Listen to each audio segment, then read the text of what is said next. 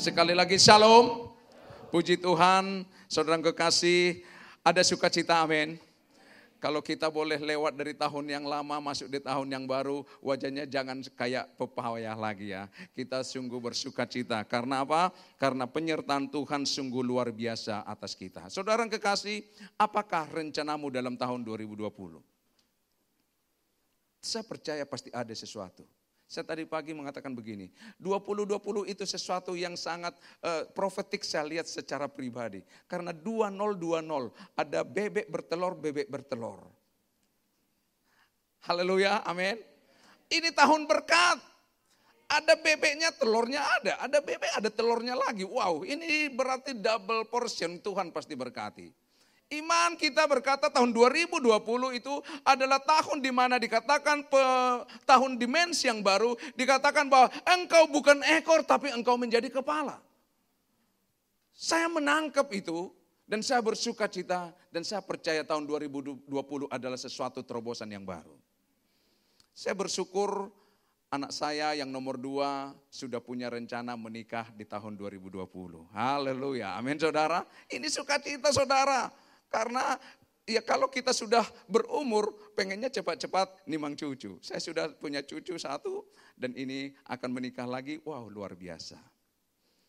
Ini sesuatu. Oleh karena itu saudara, saya percaya saudara sedang merindukan sesuatu pembangunan pribadi, pembangunan ekonomi, pembangunan sesuatu di tahun 2020 yang akan mengalami terobosan. Tetapi kita perlu tuntunan Tuhan kita melangkah di tahun 2020 ada satu tuntunan Tuhan yang mau kita ambil dari apa yang kita dengar, apa yang kita akan imani, kita harapkan sehingga karena tuntunan itu kita mengalami terobosan. Saudara kekasih dalam Kristus Tuhan, ketika kitab-kitab dituliskan termasuk salah satunya kitab Mazmur, maka ada banyak yang menuliskannya termasuk Daud, Bani Korah, Asap dan juga tanpa nama atau nama-nama yang tidak ada dituliskan. Maka ketika mereka mendapatkan firman, mereka diinsa, diilhami atau diberi nafas firman oleh Allah, maka itu menjadi firman yang menuntun kehidupan kita sekalipun Allah tidak berbicara langsung.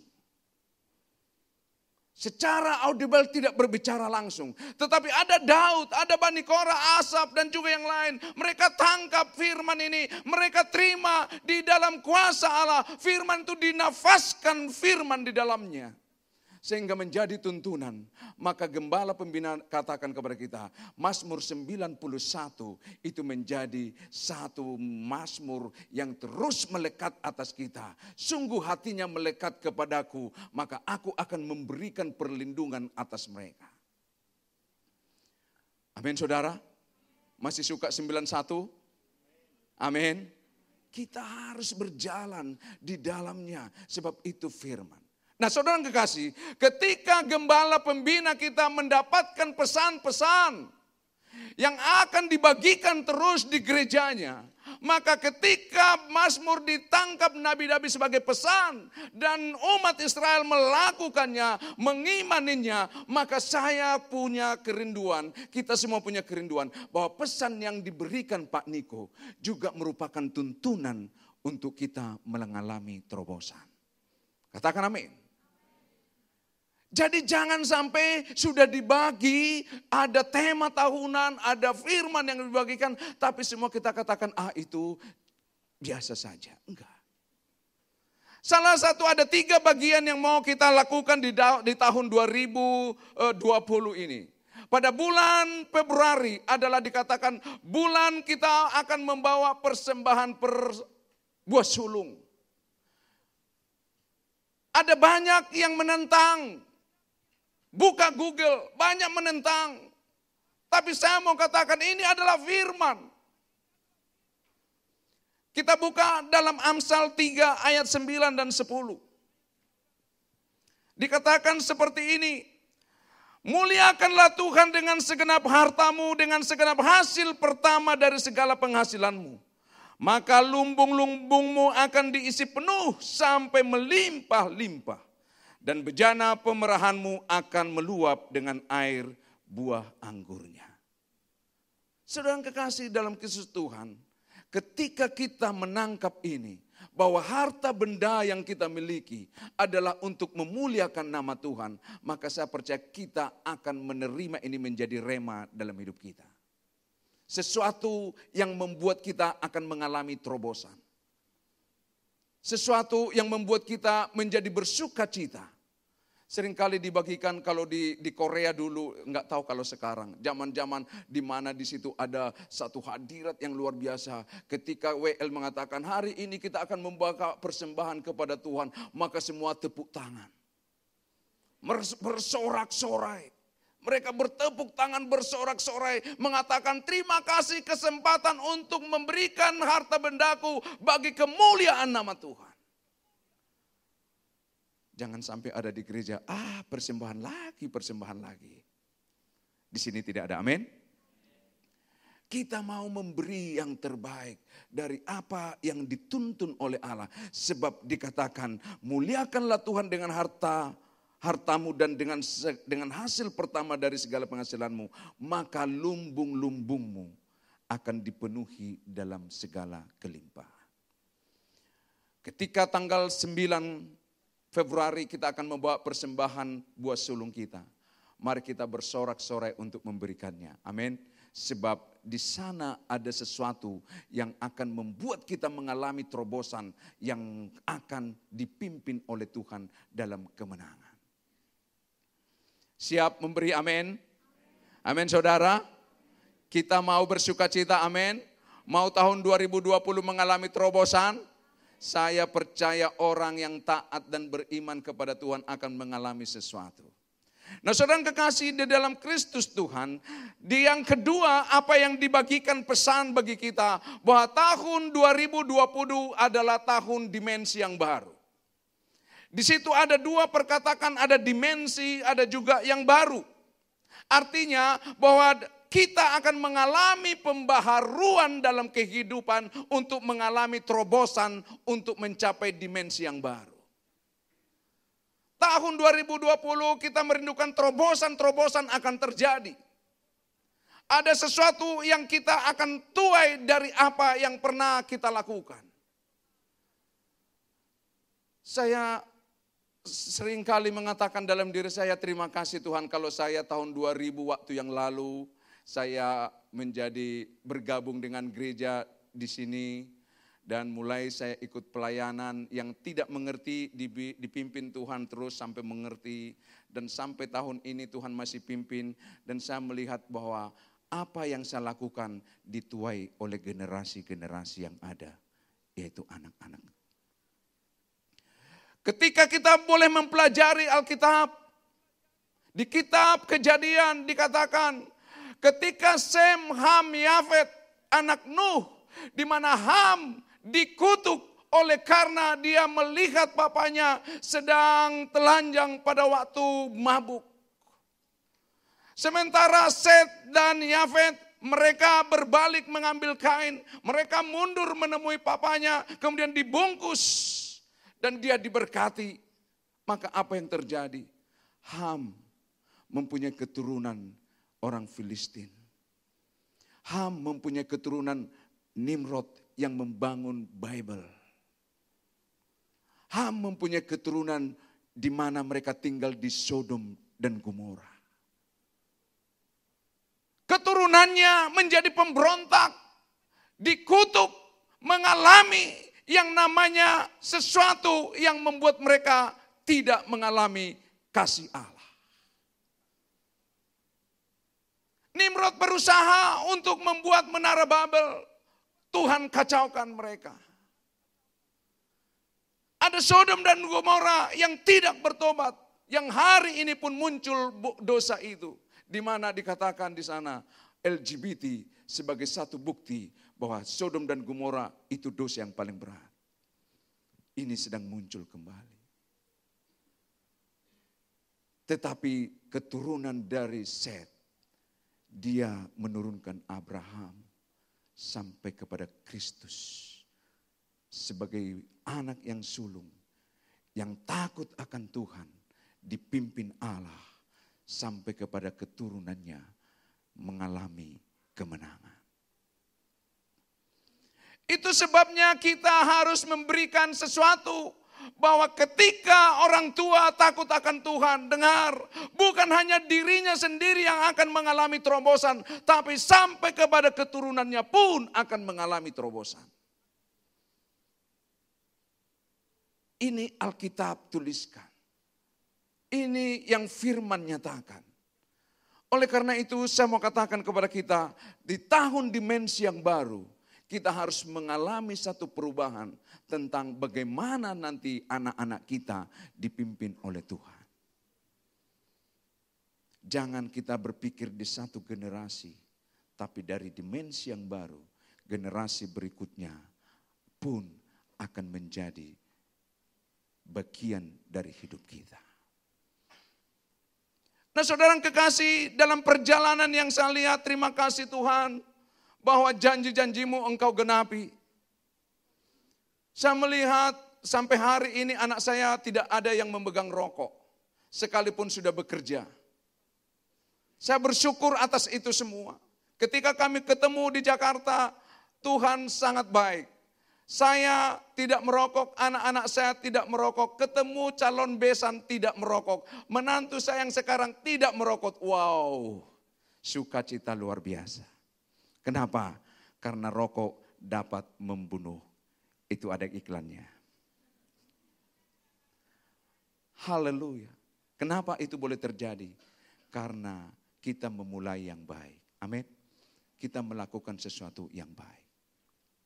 Nah saudara kekasih ketika dikatakan di dalam tahun ini kita menerima tahun dimensi yang baru. Maka sama katakan ada yang disebut dimensi itu pengertiannya adalah ukuran. Kalau satu garis itu satu dimensi. Kalau ada garis dua atau panjang kali lebar, maka itu menjadi dua dimensi dan itu adalah luas. Maka kalau tiga dimensi ada panjang, lebar, kali tinggi, maka itu menjadi tiga dimensi yang menjadi isi.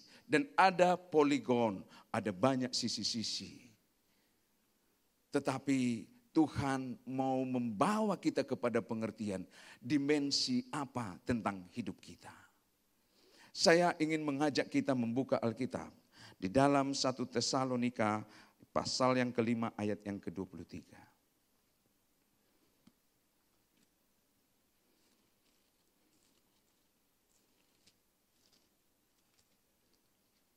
Ya, sudah dapat, amin. Kita akan baca bersama-sama satu Tesalonika pasalnya yang kelima ayat yang ke-23 sampai ayat yang ke-24. 3, 21. Semoga Allah damai sejahtera menguduskan kamu seluruhnya dan semoga roh, jiwa dan tubuhmu terpelihara sempurna dengan tak bercacat pada kedatangan Yesus Kristus Tuhan kita.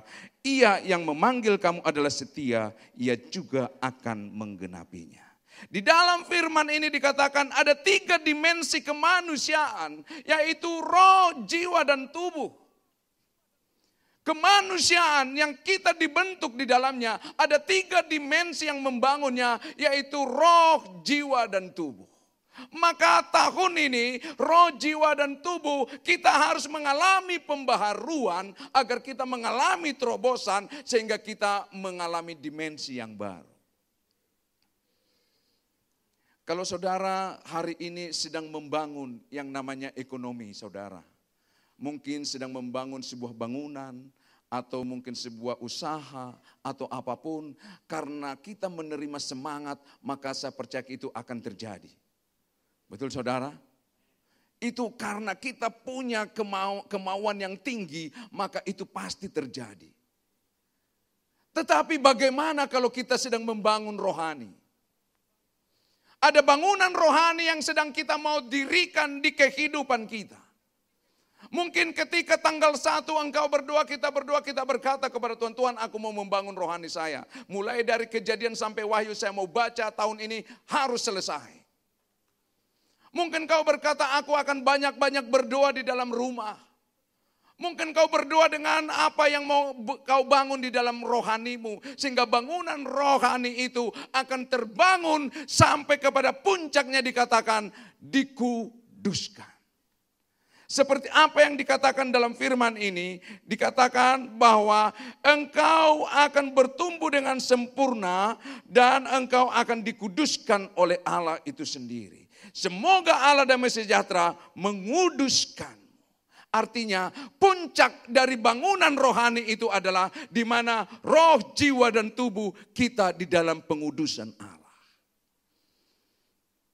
Ini sedang kita mau bangun. Tetapi saudara, kalau bangunan fisik kita bisa terobos akan mencapai puncak hasilnya sebuah bangunan. Tapi sering kali kalau kita sedang membangun rohani, itu mangkrak. Hari ini kita semangat mulai membaca kejadian. Wow. Tapi tiba-tiba di pertengahan jalan berhenti. Kita mau katakan tahun 2020, 54 minggu satu tahun. Saya tidak mau tidak ada di dalam gereja. Atau bahkan lebih dari 54 itu saya akan isi dengan namanya persekutuan-persekutuan. Tetapi sering kali jadi mangkrak. Bangunan itu tidak tercapai, tidak sampai kepada yang namanya dikuduskan, sempurna dan tidak bercacat celah. Tapi kita mau rindu. Tahun 2020 akan kita alami terobosan. Amin. Mungkin engkau berjanji saya tidak tahu di dalam hatimu. Tuhan, aku mau melakukan sesuatu untuk membangun rohani saya. Saya tidak tahu apa yang sedang engkau bicarakan di dalam dirimu sendiri. Seperti waktu Natal kita dapat firman Tuhan. Bahwa di dalam diri kita itu tidak pernah sepi. Karena di dalam diri kita selalu berbicara antara kita di dalam hati dan pikiran kita. Kalau engkau sedang merenungkan sesuatu di rumah tentang bagaimana engkau membangun rohani, engkau tetapkan di dalam dirimu, aku harus menang untuk mengalami terobosan membangun rohani. Tetapi ketika engkau berjalan di dalamnya, engkau mangkrak. Maka katakan Tuhan kepada Tuhan, Tuhan, saya tidak mau lagi kalah. Saya harus menang di dalamnya. Amin. Amin saudara. Nah ketika kita berbicara tubuh, jiwa, dan roh harus mengalami terobosan dalam pengudusan Allah. Maka ada tiga pernyataan bagaimana kita mengalami pengudusan. Yang pertama, pengudusan adalah tuntutan Allah kepada orang percaya. Pengudusan sebuah keharusan yang harus dimiliki oleh orang percaya supaya ketika Yesus datang yang kedua kali dalam firman ini dikatakan kita didapat sempurna dan tidak bercacat celah. Kalau tahun 2019 kita belum mengalaminya, kita rindu di tahun 2020 ini, kita akan terobos. Sebab ternyata untuk namanya pembaharuan dalam dimensi yang baru, kata kuncinya adalah pengudusan di dalam tubuh, jiwa, dan roh. Ketika tuntutan ini akan kita lakukan dengan segenap hati, jiwa, dan roh kita, saya percaya Allah sendiri akan memberikan kekuatan atas kita melalui roh kudusnya supaya kita berkemenangan di dalamnya. Yang kedua, bahwa pengudusan dikatakan seperti ini. Pengudusan bukan proses, tetapi pengudusan adalah tindakan tegas. Kalau engkau mungkin hari ini saya kembali kepada kata merokok karena lebih mudah menerjemahkannya. Engkau merokok dua bungkus dan engkau berkata dalam hatimu, besok-besok satu bungkus, nanti jadi lima batang, nanti menjadi dua batang. No. Itu proses yang tidak akan mungkin engkau alami untuk lepas dari rokok.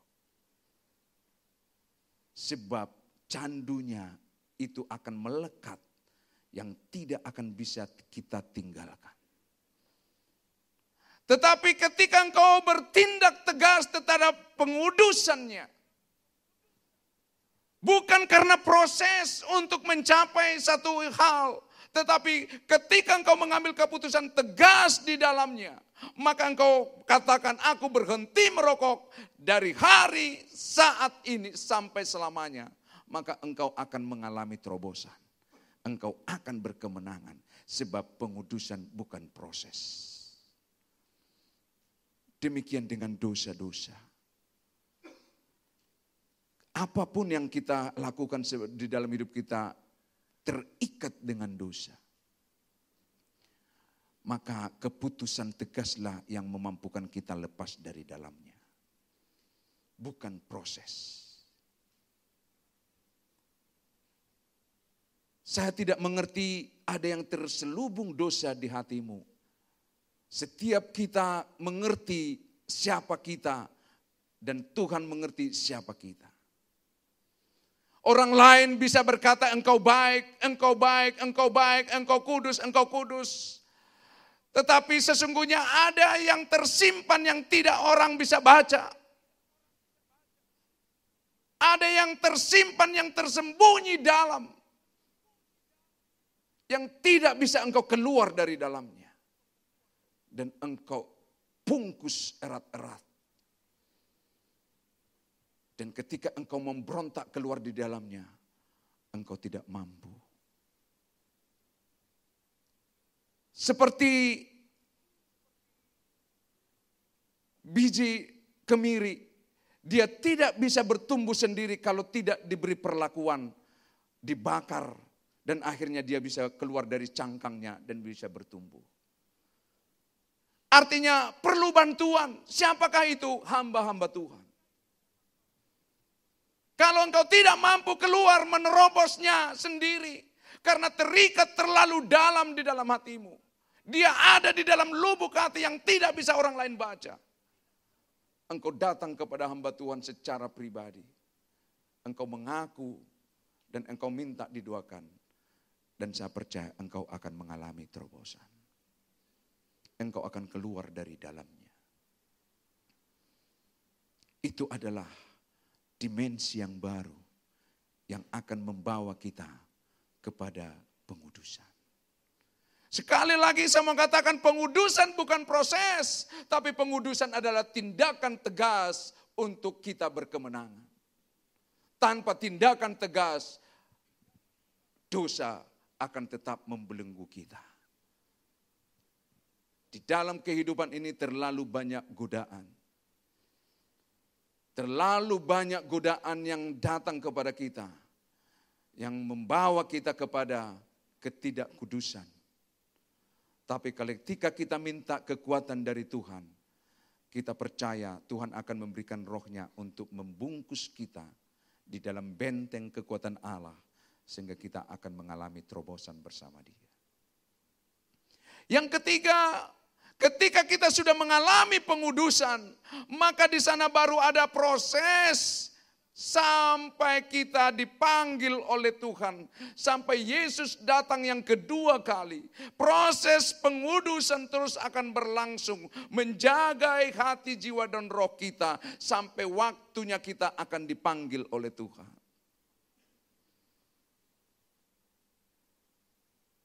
Ini bukan hal yang mudah. Tetapi ketika kita dipimpin roh kudus, pasti bisa kita lewati. Amin. Amin saudara. Kalau roh kita tidak ada dalam kemenangan, bagaimanakah kita akan mengalami terobosan? Maka saya mau katakan tubuh itu berbicara sehat atau tidak sehat. Jiwa itu berbicara baik atau tidak baik. Dan roh itu berbicara intim atau tidak intim. Ketika jiwa kita penuh dengan pengetahuan, tidak dipimpin oleh roh yang intim, maka jiwa yang penuh dengan pengetahuan bisa mengarah kepada kebrutalan atau bahkan mencicikkan di mata Tuhan. Maaf kalau ada marga sinaga hari-hari ini berita tentang marga sinaga khususnya yang satu orang bukan keseluruhannya, jangan salah paham. itu menjadi viral. Dia orang intelektual. S1, S2 bahkan sedang menjalani dikatakan S3. Dia secara jiwa intelektualnya sungguh dia orang yang pintar. Tetapi karena rohnya tidak intim dengan Tuhan. Rohnya tidak dipimpin dalam kehendak Tuhan. Maka dia melakukan sesuatu yang jahat.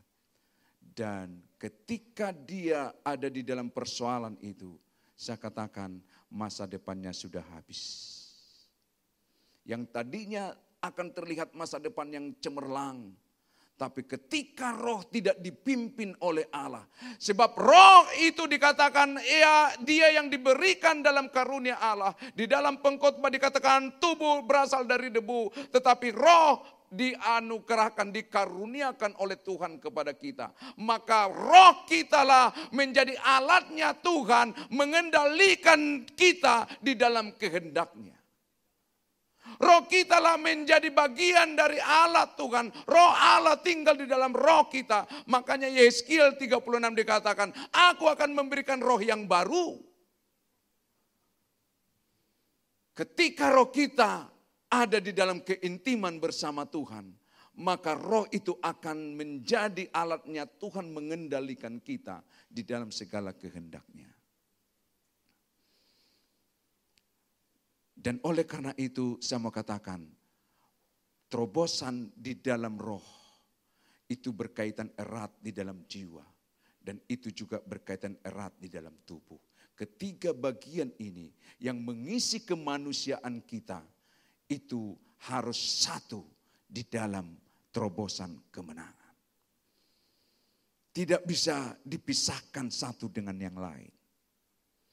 Kalau tubuh kita sakit, karena kita tidak jaga. Maka itu akan mempengaruhi roh dan jiwamu. Sebab apakah gunanya kalau badan kita sakit sementara kita rindu untuk melayani, bukan untuk melayani yang terjadi, bahkan kita akan dilayani. Maka terobosan kesehatan pun menjadi sangat penting. Amin saudara. Amin. Karena ketika tubuh kita sakit, Bukan hanya menyusahkan diri sendiri, tapi keluarga pun akan ikut terlibat di dalamnya. Maka saya sering kali katakan begini, kalau tubuh kita sakit, sementara ada hajatan yang bersuka cita di dalam rumah, maka itu menjadi kesedihan buat kita. Kalau misalnya anak kita mau menikah, tapi papanya sakit, itu tidak akan sempurna. Atau mungkin anggota keluarganya sakit, pasti tidak akan sempurna.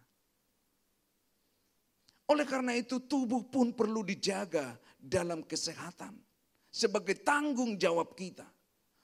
Maka ketika saya selalu berbicara tentang rokok, rokok membunuh, rokok memberikan sesuatu, maka ini menjadi sesuatu untuk mengasihi tubuh.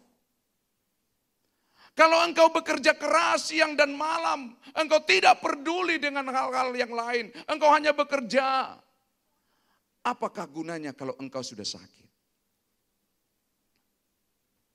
Makanya ketika kita di dalam satu kegiatan perlu istirahat. Kalau memang sudah capek, jangan dipaksain. Tubuh harus dimanjakan. Maka ibu-ibu saya katakan sekali-kali minta uang dari dari suaminya. Pak, aku mau spa. Amin, ibu-ibu. Kok ibunya enggak amin ya? Perlu rileks. Perlu untuk refreshing. Untuk memanjakan tubuhnya. Yang bapak-bapak capek perlu pergi ke Dewa Dewi untuk urut. Amin saudara. Dewa Dewi itu ya di situ tidak yang norak ya. Di situ kalau laki-laki ya dipijat oleh laki-laki dan mereka sudah dilatih secara profesional. Perlu kita merilekskan tubuh kita. Jangan dipaksakan, sebab kalau dipaksakan kita tidak akan mengalami sesuatu. Dan juga perlu cek darah saudara. Sekali minimal setahun cek darahnya. Ada banyak orang berkata begini, ah jangan pak dicek darah, kalau tahu nanti aku jadi ketakutan. No, itu harus diterobos, jangan terikat dengan intimidasi. Sebab bagaimana kita mengerti tubuh kita kalau kita tidak dicek. Baru-baru ini saya cek darah tentang kolesterol, eh 200 sekian, melampaui angka 200. Kalau 200 itu ya, itu batas maksimal. Sudah lewat 200 itu sudah di kelompok tinggi. Eh, oh iya 200. Akhirnya harus bagaimana caranya? Oh minum benekol aja yang enak. Karena benekol bisa menurunkan. Dan ternyata betul saudara. Saya cek kembali sudah 190-an. Sudah normal. Artinya apa? Makan sate masih oke. Okay. Amin saudara. Masih bisa. Enggak apa-apa. Sebab apa? Sebab tubuh kita harus kita jaga. Bukan untuk siapa-siapa. Selain untuk diri sendiri, juga sebagai tanda mengasihi keluarga kita. Sebagai tanda mengasihi saudara-saudara kita yang lain. Di dalam satu iman, kita perlu mengunjungi mereka. Kita perlu untuk memberikan berkat atas mereka. Kalau tubuh kita sakit, bagaimanakah mungkin kita bisa membagikannya? Oleh karena itu kita harus mengalami terobosan-terobosan yang baik ini. Kita akan mengalami sesuatu yang Tuhan mau nyatakan atas hidup kita. Tahun dimensi yang baru ini. Kita harus ambil menjadi bagian kita yang berkata, terima kasih Tuhan. Saya harus mengalami terobosan. Tubuh, jiwa, dan rohku harus berkemenangan bersama dengan Kristus. Itu menjadi sesuatu yang membuat kita semangat menempuh hari-hari yang akan kita lalui. Saudaraku yang kekasih di dalam Kristus Tuhan. Ketika kita berbicara tubuh adalah sehat dan tidak sehat.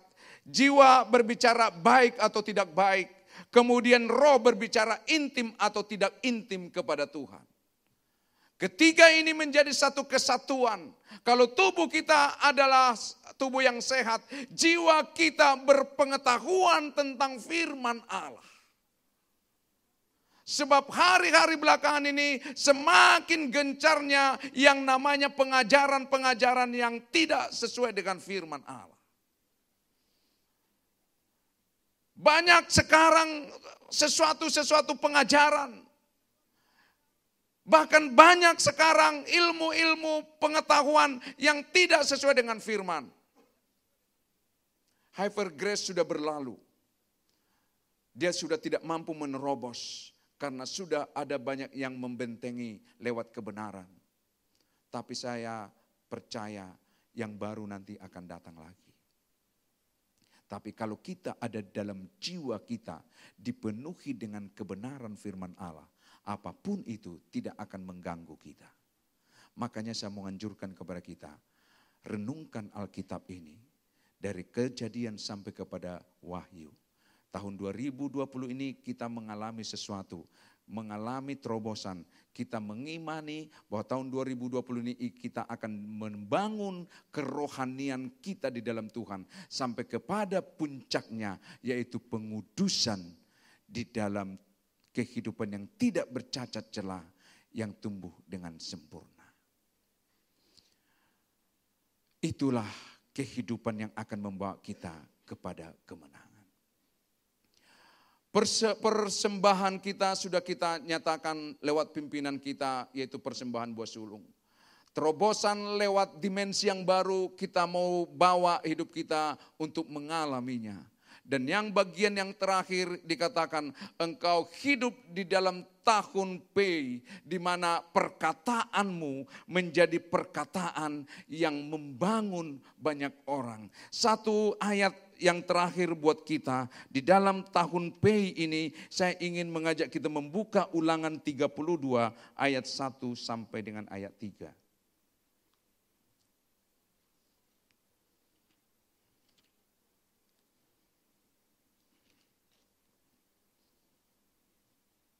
Ulangan 32 ayat yang pertama sampai ketiga dikatakan begini.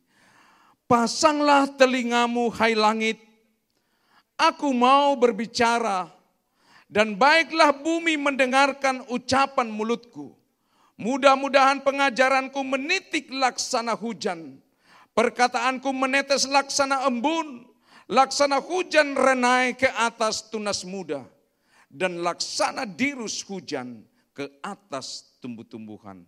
Sebab nama Tuhan akan kuserukan. Berilah hormat kepada Allah. Pernyataan nyanyian Musa ini sangat indah dan sangat puitis. Dia berkata bahwa perkataanku, pengajaranku laksana hujan, perkataanku meneteskan laksana embun. Dia berkata kalau hujan adalah menjadi penyubur tanah